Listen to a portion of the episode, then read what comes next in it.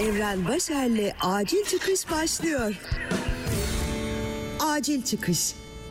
Selam sevgili dinleyen. Bugün 10 Mayıs 2021 Acil Çıkış'ın 57. bölümünü dinliyorsun. Acil çıkış. Geçtiğimiz gün Spotify yazar, program yapımcısı, yılların gazetecisi Banu Avar'ın podcastini önerdi bana ve 10 dakikalık bölümlerden oluşan yayını dinlemeye başladım.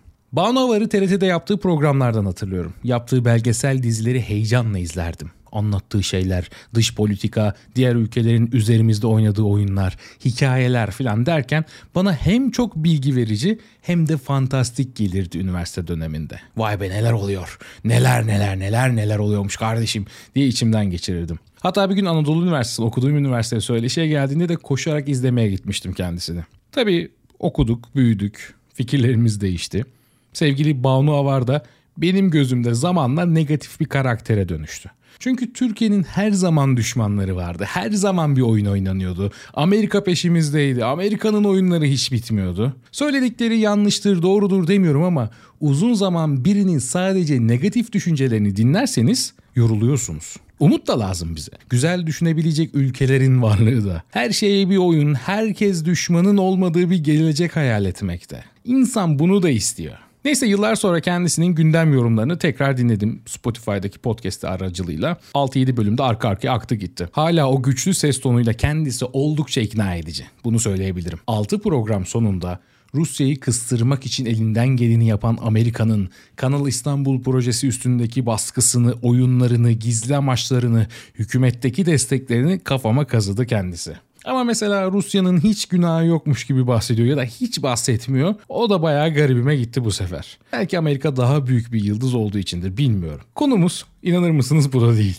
Yani buradan başka bir yere geleceğim her zaman yaptığım gibi. Sadece biraz bahsedeyim istedim. Yine diyorum doğrusunu yanlışını bilemem, kanıtlayamam, haklıdır değildir onu da bilmiyorum ama Banu var kendisini bildim bileli aynı şeyleri söylüyor. Doğrularından vazgeçmiyor, bükünmüyor, eğilmiyor. Bu konuda kaya gibi sert. TRT'den de birçok kanaldan da bu yüzden kovulmuş bir gazeteci sonuçta.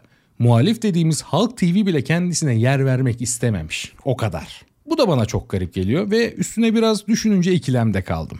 Nedir o ikilem? Bir yanım böyle insanlara acayip saygı duyuyor. Eğilmeyen, bükülmeyen, ye yeah, herkese her şeye rağmen doğrularını savunan idealistler. İşsiz kalırım, doğrularımdan asla vazgeçmem diyenler. Diğer yanımda bunu çok saçma buluyor. Günümüz şartlarına ayak uydurmadan, görüşlerini asla değiştirmeden, bazıları yanlış olsa da görüşlerinin yanlışlarını kabul etmeyen insanlar gibi geliyorlar. Bir yandan da içten içe böyle insanları kıskanıyor muyum acaba diye soruyorum kendime. Ben 31. yaşıma yaklaştım ve hayatım hep değişimlerle dolu. Kendime dedim ki her zaman daha iyi bir versiyonun var. Ona ulaş. Update olmaya devam et. Bir yandan da temel işletim sistemim neydi? Onu da bilmiyorum.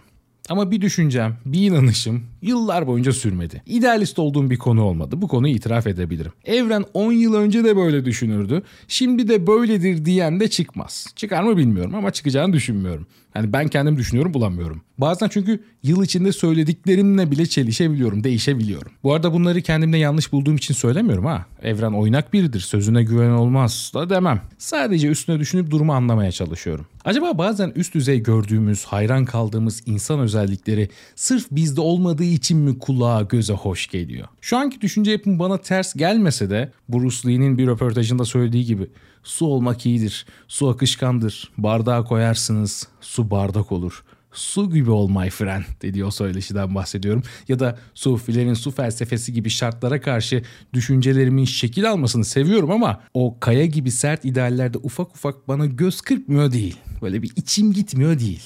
İdealler mevzusu da başlı başına bir konu aslında. Şimdi Banu Avar'ı yıllardır kaya gibi değişmeyen düşüncelerini, inançlarını da bir kenara bırakalım. Belki de kıskandığım nokta biraz daha farklıdır kişilikten çok işlerine bakış açısıdır. Çünkü bunlar o kadar birbirinin içine girmiş durumlar ki aslında şu an söylediğim şeylerin konuyla hiç alakası da olmayabilir. Bir başkası için şöyle de olabilir. Sen başka bir konudan ve hani Barlas ailesi gibi dönemin adamlığından bahsediyorsun. İşte hükümet değişir siz de değişirsiniz. Su gibi olmak böyle bir şey mi? de diyebilir. Hani dese şu an işin içinden çıkamayacağım. Öyle olmadığıma eminim ama konuyla bir bağlantısı da olabilir. O yüzden şimdi farklı bir konuya geçeceğim. Bunu ayrıca düşünürüz.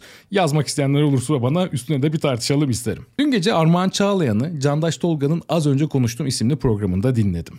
Biraz da bu iki konuyu bağdaştırma sebebim bu üst üste geldi biraz. Kafamda başka şeyler çakmasına sebep oldu bu idealler konusunda Armağan Çağlayan'ın söyleşisi. O yüzden bahsedeceğim.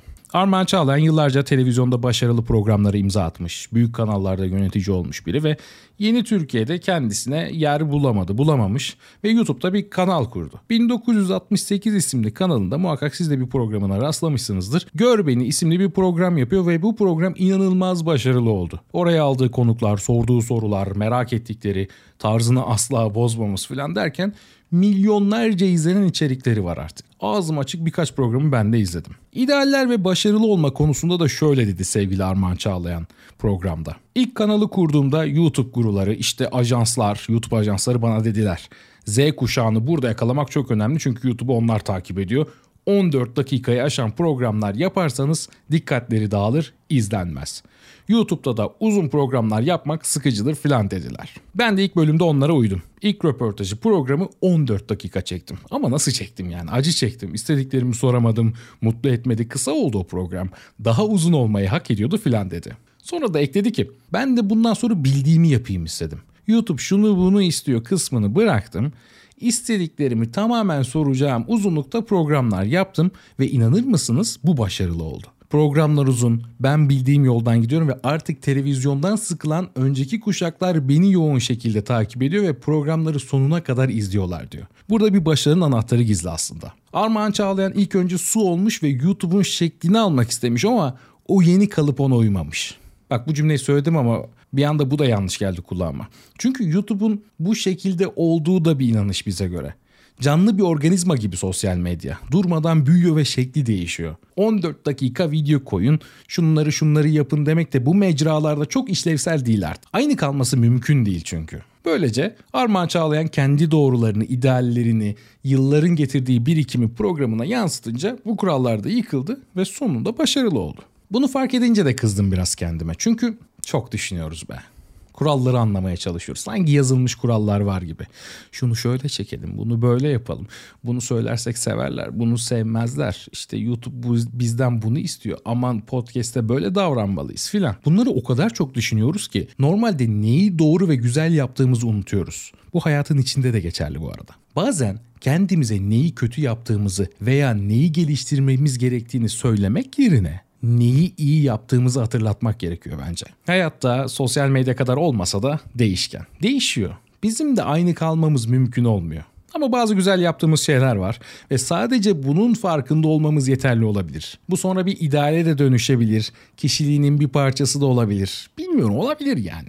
Bu dediklerimi uygulayabilir miyim? Yarın uyandığımda bu dediklerim hala benim için geçerli olur mu? Onu da bilmiyorum. Bilmiyorum sevgili dinleyen ve yaşamak benim için de galiba biraz böyle bir şey. Bu bölümde düşünceler, konular biraz birbirine girmiş olabilir. Şu an lan bu çocuk ne anlattı da diye içinden geçiriyor olabilirsin. Haklısın da ama evrenin sesi dünyasına hoş geldin. Bazen düşünceler burada böyle şekilsizce sese dönüşebiliyor. İçinde kendinde bir şeyler buluyorsan ne mutlu bana. Ama burada o kurallardan yok sevgili dinleyen. Burada su akıp gidiyor, ben de akıp gidiyorum. 58. bölümde görüşürüz. Hoşçakal. Acil çıkış. Evren Başer'le acil çıkış sona erdi. Acil çıkış.